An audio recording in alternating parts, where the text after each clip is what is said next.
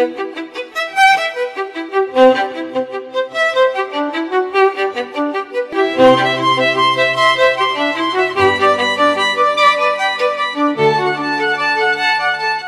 er eh, Bergens historie med lokalhistoriker Bjørn Bagge. Og Bjørn, jeg har lyst til å stille deg et spørsmål, for nå skal vi inn på temaet alkohol. Det ryktes jo om at uh, her i Bergen og andre store byer så var det altså så dårlig vannkvalitet at, uh, at innbyggerne valgte å drikke øl isteden. Stemmer det? Ja, det gjør, det gjør, faktisk det, Petter. Bakgrunnen er, er jo ganske grei, da. Altså, du kan si det sånn at det som var byer i Norge, ja egentlig i hele Europa, så, så var det sånn at brønnene i byen de lå jo spredd liksom rundt i hele byen. Så må vi huske på at kloakken den gangen den gikk jo rett i gatene. Og eh, du kunne ha kirkegårder som lå gjerne rett oppenfor eh, gatene. Så du fikk likvann som rente rundt i gatene. Og alt dette kunne jo samle seg i, i, i eh, brønnene, da. Så vannet kunne jo rett og slett bli livsfarlig å drikke, rett og slett. Og eh, det man da gjorde, det var jo rett og slett at man brygget øl. Du skjønner det som skjer når man brygger når man gjærer ølet. Altså man, da tar man vekk en del av disse farlige bakteriene. Så det er egentlig den helt enkle forklaringen på hvorfor man drakk øl istedenfor vann. Og ja, det ble drukket store mengder øl i gamle dager. Du leser jo at eh, det er ikke unormalt at du har inne i, i, i eh, sånne forskjellige avtaler når folk får en ansettelse, at de skal ha Ja, et sted så fant jeg faktisk seks liter øl om dagen. Hvor sterkt øl var, det, det kan jo på å si sikkert variere, men det var i hvert fall gjæret korn og øl, så litt alkohol må det ha vært i det uansett. Og det bringer jo meg over i en av disse andre tingene jeg hadde jo lyst til å fortelle litt om. Det er jo litt om eh, noen av byens bryggerier, og i dag så tenkte jeg jeg skulle snakke om Sems bryggeri. På uh, første del av 1800-tallet så fantes det egentlig ganske mange sånne småbryggerier i Bergen, da. Og i, i ølutsalgsannonsene fra byens eh, viktigste avis, Bergen Adressekontors Efterretninger, eller det som bare ble kalt for Adresseavisen, så finner du da um, bryggerier som Hjortdals, Halvor Larsens, Ingebrekt Eides og C. Helmers bryggerier. I tillegg averterte også bryggeri- og snekkermestere øl til salg. Um, ja, så i 1849 var det ja, rundt 30 sånne hva skal du si, helt enkle eh, bryggerier i Bergen, da.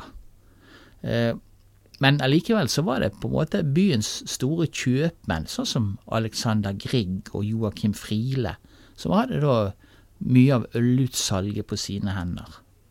Og det meste av ølet da på midten av 1800-tallet ble jo da drukket hjemme.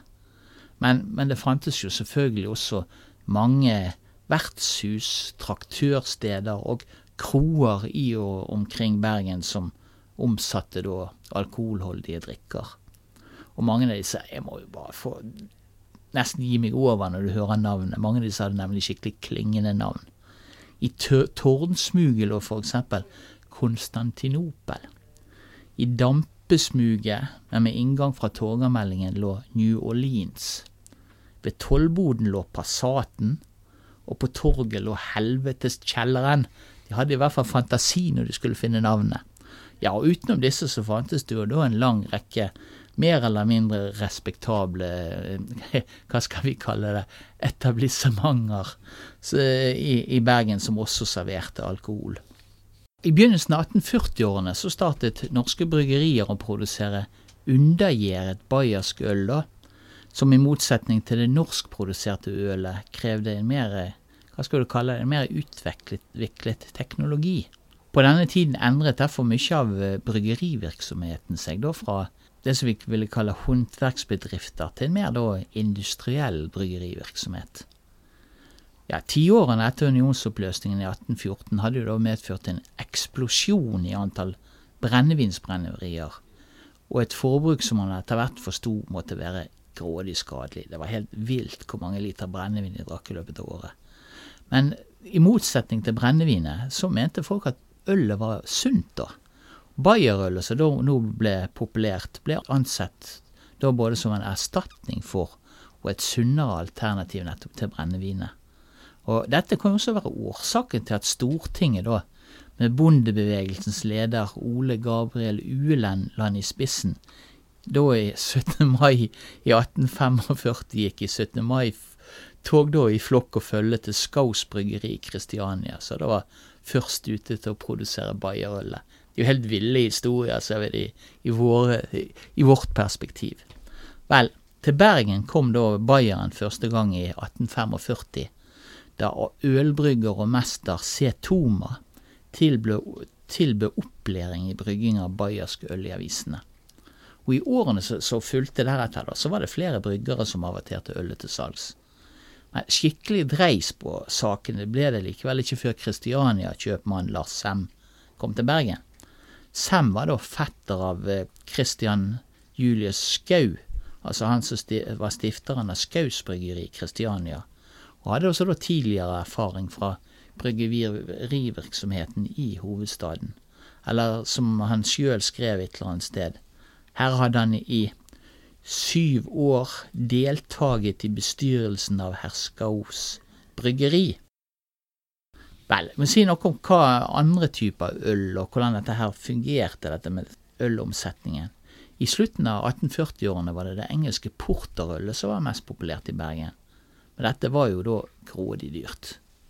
Mens prisen på det lokale, tynn eller pottøl over to til seks skilling, kunne da prisen på en flaske porter komme opp imot 30 skilling, altså 28 ganger dyrere. Ganske stor forskjell, det. Vel, Sem så at han kunne produsere Bayerølet til en billig penge, og søkte derfor i november 1848 etter én eller flere medinteressenter til anleggelsen av et større ølbryggeri i Bergen, som han skrev i avisene.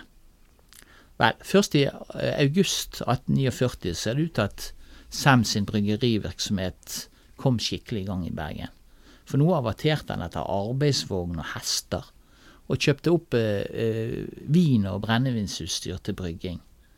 Og eh, vi kan da lese da 8.12.1849 i Adresseavisen at Sems Bergens Bryggeri leverte et godt og holdbart skipsøl eh, til 1,5 til 2 skilling per pott efter kvalitet.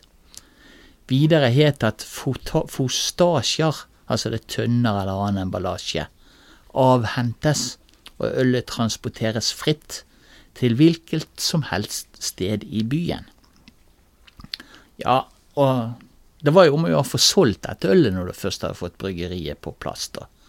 Så Semmer averterte da flittig ølet sitt i forbindelse med sildefiske, I forbindelse med disse nordlandsstevnene som var i Bergen, altså når nordlendingene kom til Bergen for å selge fisken sin, og eh, når det var andre begivenheter i Bergen. Og Sem ble da snart en sentral aktør da i bryggerivirksomheten i byen. Eh, Sem er forresten også blitt tillagt æren for å ha innført det tradisjonelle bukkølet til Bergen. Det er jo ingen som drikker det lenger, men dere husker kanskje det, eh, de som er nå litt oppi årene. Det, dette litt sånn tjukke, svarte ølet som, som var da ganske sterkt. Som man sa jo hadde man et egg i et bukkøl, så hadde man en hel frokost. Vel. Eh, Sem drev jo da bryggeriet sitt frem til 1855. Da ble det kjøpt opp av bokhandler Fredrik Beyer og Hans Isdal. Eh, Sem forlot da Bergen til fordel for Kristiania, og ble da medeier i Akerelvens kledesfabrikk samme år. Så han hoppet da ifra å være bryggerieier til å bli klesfabrikkeier. Isdal derimot drev bryggeriet videre under navnet Det Semske Bryggeri, frem til det ble overtatt av Hansa i 1891.